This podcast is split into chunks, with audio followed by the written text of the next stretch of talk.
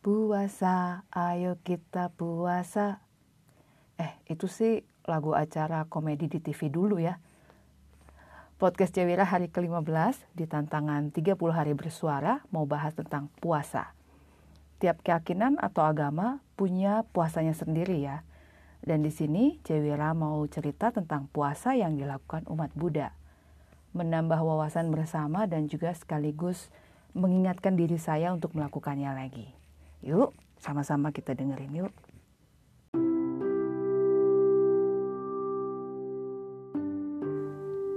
Sebelum membahas tentang puasanya, saya mau jelasin dikit tentang istilah yang mungkin sering kita temui atau dengar dalam pembahasan tentang Buddhism. Ada tiga kata yang sering ditemui, Buddha, Dhamma, dan Sangha. Buddha artinya yang tercerahkan, the enlightened one, seseorang yang mencapai kesucian dengan usahanya sendiri. Dhamma itu artinya ajaran, ajaran yang ditemukan kembali oleh Sang Buddha. Dan Sangga artinya murid-murid Sang Buddha. Dhamma atau ajaran ini diteruskan dari satu murid ke murid berikutnya. Terus sampai sekarang, generasi demi generasi. Murid-murid Sang Buddha ini adalah para biku atau biksu. Mereka masih menjalani kehidupan biara, dan kami biasa menyebutnya dengan bante, yang artinya guru. Dan tugas utama Sangha adalah melatih diri untuk bisa mengikuti jejak Sang Buddha, mencapai pencerahan dengan melaksanakan latihan moralitas, berlatih meditasi, karena ingin memurnikan batin agar terbebas dari kekotoran batin. Kekotoran batin itu ada tiga, loba, dosa, moha. Loba ini sering diartikan keserakahan. Sebenarnya loba ini lebih ke arah keinginan yang sangat kuat craving, pengen banget. Kalau dosa sering diartikan kebencian. Dan sebetulnya dosa itu artinya ketidaksukaan, perasaan tidak puas. Sedangkan moha adalah ketidaktahuan, ignorance. Nggak tahu mana yang benar, mana yang salah.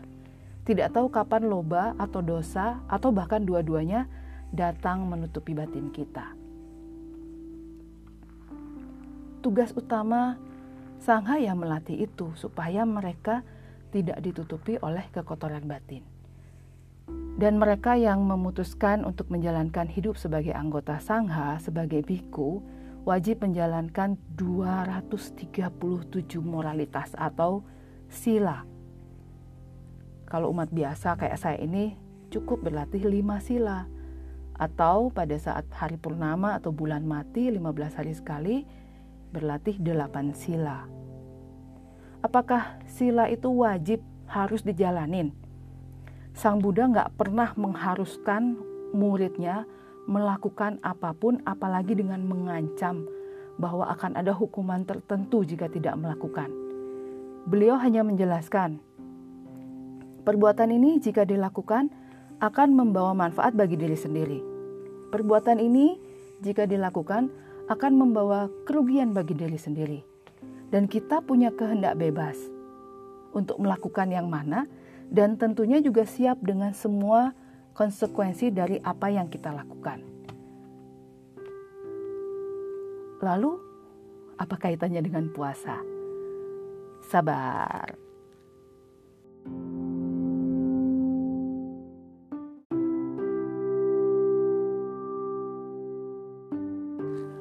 Puasa adalah latihan pengendalian diri. Puasa adalah upaya yang kita lakukan dengan penuh kesadaran, dengan sungguh-sungguh melatih diri kita untuk mengendalikan diri kita, mengendalikan nafsu-nafsu kita juga. Dalam latihan lima sila atau lima moralitas, yang pertama, aku bertekad melatih diri menghindari membunuh makhluk hidup. Jadi diperhatikan, aku bertekad melatih diri menghindari membunuh makhluk hidup. Tidak ada ancaman, tidak ditakut-takuti harus melakukan jika tidak nanti akan ada hukuman. Tapi lebih ke arah kesadaran diri. Aku bertekad, aku bertekad dengan sungguh-sungguh, aku berlatih, melatih diri menghindari membunuh makhluk hidup. Karena semua makhluk hidup ingin hidup. Dengan menghindari membunuh makhluk hidup, sebenarnya kita mengembangkan cinta kasih dan juga mengembangkan toleransi. Bayangkan, kadang-kadang kan lagi duduk enak-enak, ada nyamuk hingga sedot darah kan gatel banget Nah kalau kita nggak sadar kita langsung tepak hukum mati si nyamuk karena menghisap darah kita yang lumayan nggak banyak banget. Tapi kadang-kadang karena kita takut, aduh nanti kena penyakit DB lah apalah. Jadi sering kali kita refleks langsung membunuh karena kita tidak suka. Nah kalau kita melatih ini kita mengembangkan toleransi dan kita melakukan preventif. Gimana caranya supaya nggak digigit nyamuk? Ya jaga kebersihan atau pakai cairan anti nyamuk yang aman untuk kulit. Ada banyak cara. Dengan tidak membunuh makhluk hidup, kita mengembangkan kesabaran. Karena kesabaran itu adalah tapa yang paling tinggi. Kedua, aku bertekad melatih diri menghindari mengambil barang yang tidak diberikan, alias nyolong. Jadi makna lainnya adalah berlatih merasa puas dengan apa yang dimiliki. Kalau sudah punya satu tas, puas dengan satu tas lihat temen punya tas lagi, tas yang lain yang lebih bagus jadi pengen, bahkan karena tidak tahan ingin memiliki ngambil. Atau paling gampangnya gini, ada orang bawa makanan taruh di, di meja di depan kita, belum mempersilahkan, terus karena kita pengen kita ambil aja.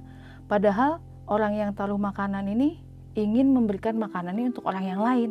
Nah karena kita nggak tahu, kita main ambil aja tanpa di tanpa kita minta izin atau tanpa kita dikasih izin.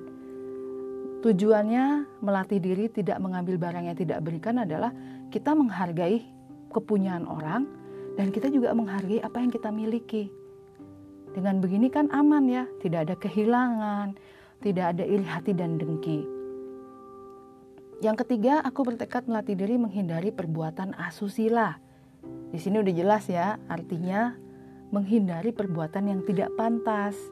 Apalagi sebagai orang yang sudah berkeluarga atau berpasangan puaslah dengan pasangannya sendiri, setia dengan pasangannya.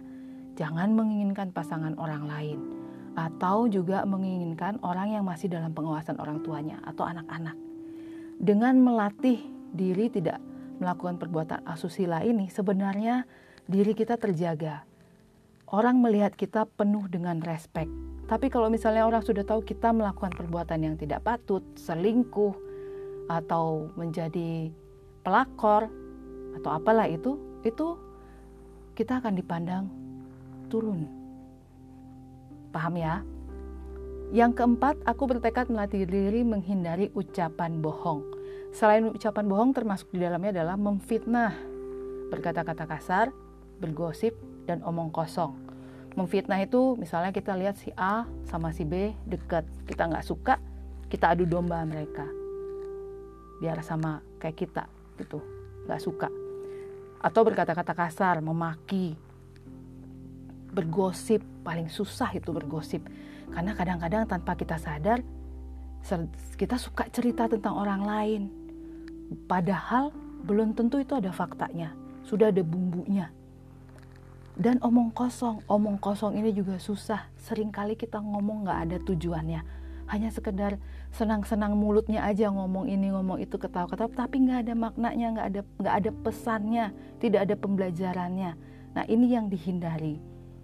Nah jika kita melatih ini menghindari ucapan bohong fitnah berkata kasar gosip dan omong kosong itu juga melindungi kita sehingga apa yang kita omongin itu selalu faktual berarti ada ada faktanya benar kemudian menyejukkan tepat waktu.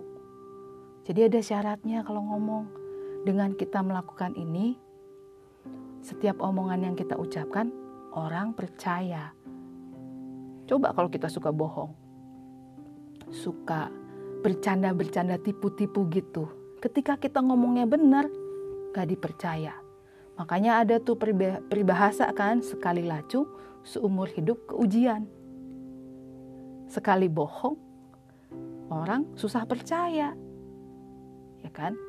Yang kelima, aku bertekad melatih diri menghindari mengkonsumsi makanan dan minuman yang dapat menyebabkan lemahnya kesadaran. Singkatnya, tidak mabok.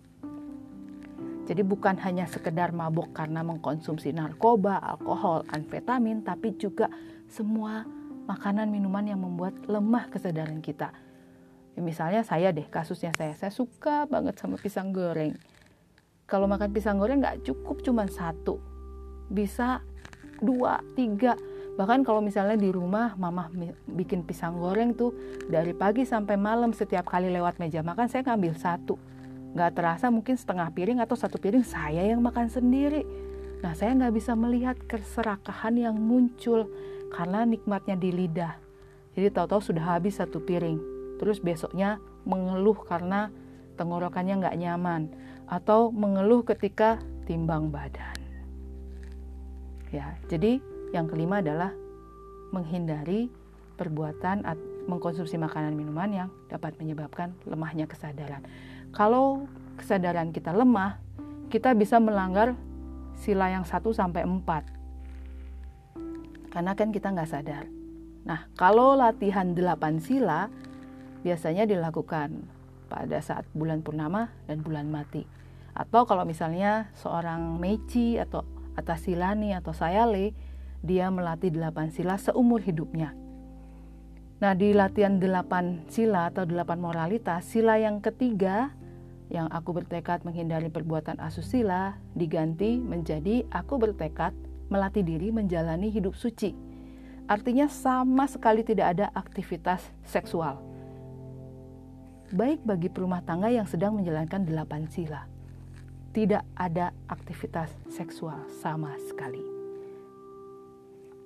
Nah, kemudian sila yang keenam, aku bertekad melatih diri menghindari makan setelah lewat tengah hari. Jadi makannya biasanya cuma dua kali, pagi atau siang. Ada juga yang makannya cuma sekali, hanya siang hari. Nah, logika berpikirnya begini. Makan pagi itu tujuannya memberi nutrisi tubuh untuk bisa bertahan beraktivitas hingga siang hari. Kemudian siang hari makan, untuk mencukupi kebutuhan nutrisi sampai malam.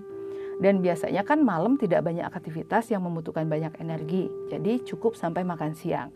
Tapi sorenya boleh minum air madu, air dicampur sendok madu gitu, atau minum jus yang tidak terlalu pekat kental gitu, yang tidak mengenyangkan.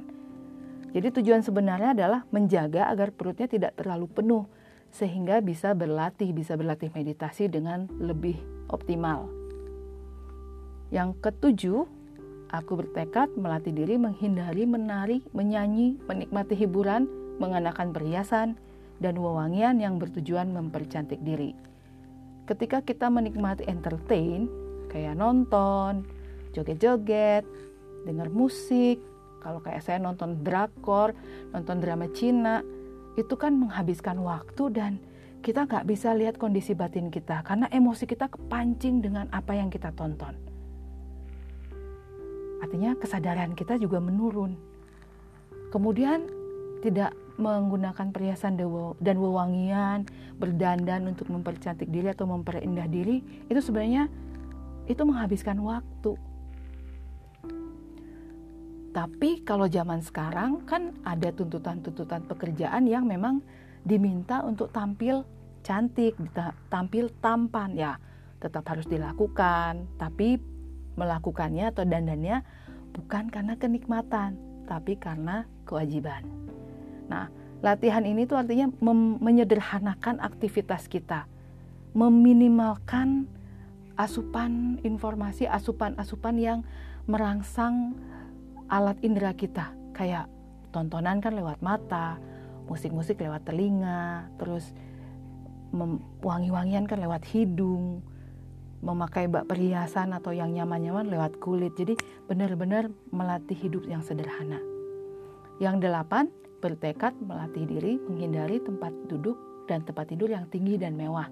Ini maksudnya supaya kita nggak mager, nggak PW, karena kalau biasanya udah PW, males banget gerak. Ya kan?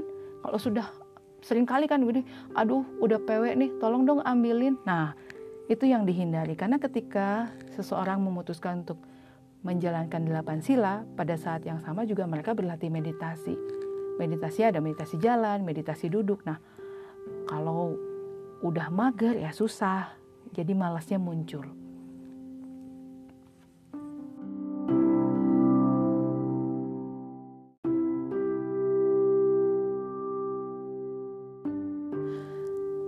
Berlatih mempraktekkan moralitas atau sila itu adalah salah satu bentuk dari puasa, pengendalian diri atas nafsu-nafsu. Dan ketika kita ingin berlatih, kita ingin berpuasa, kembali pada diri kita masing-masing. Kalau kita mau berlatih ya kita sendiri yang melakukannya, kita sendiri yang berjuang dan kita sendiri yang merasakan manfaatnya. Jadi, kita yang harus sungguh-sungguh berupaya, bukan orang lain yang harus memaklumi atau menjaga supaya kita tidak tergoda.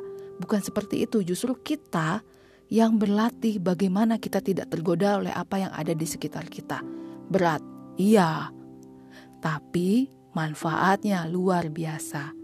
Karena semakin dipraktekkan, sebenarnya kita jadi semakin bisa melihat bagaimana tuh kekotoran batin itu semakin halus. Bagaimana tuh kesombongan, merasa diri paling benar itu semakin kelihatan. Dan semakin terselimur oleh nafsu dan keinginan yang selalu memiliki pembenaran terhadap apa yang kita lakukan. Dengan melatih diri kita bisa melihat ini dan memutuskan hal ini sehingga benar-benar batin kita jadi bersih. Ya, Sang Buddha bilang, "Ini jalannya. Aku sudah menjalani dan aku sudah mendapatkan hasilnya. Dan sudah ada juga yang menjalani dan memperoleh hasilnya. Sekarang tinggal kamu mau atau enggak menjalaninya." Karena tidak bisa diwakilkan oleh siapa pun. Sama kayak orang makan. Kalau saya makan nasi goreng kan saya sendiri yang merasakan perutnya kenyang. Orang yang melihat paling bisa ngeliatin atau membayangkan atau ikut senang. Sama juga ketika kita melatih diri dan mendapat hasilnya, kita yang mendapatkan manfaatnya, orang lain enggak. Dan saya yakin di semua keyakinan, di semua agama pasti diajarkan hal yang baik yang jika dilakukan dengan sungguh-sungguh akan membawa manfaat bagi dirinya sendiri dan juga sebenarnya memberikan manfaat ke orang lain dan lingkungan sekitarnya. Dan ketika kita melakukan, kalaupun orang lain tidak peduli, nggak masalah. Tetap lakukan hal yang baik, tetap melatih diri. Karena paling tidak, diri kita sendiri tidak akan mengalami penyesalan nanti. Demikian cerita tentang puasa dalam ajaran Buddha atau Buddhism. Melatih diri melaksanakan moralitas untuk kepentingan diri kita sendiri, untuk kebahagiaan diri kita sendiri Semoga informasi ini bermanfaat bagi kita semua, dan semakin hari dalam segala hal kita semakin baik dan semakin membaik. Cewira sayang kalian semua. Dadah.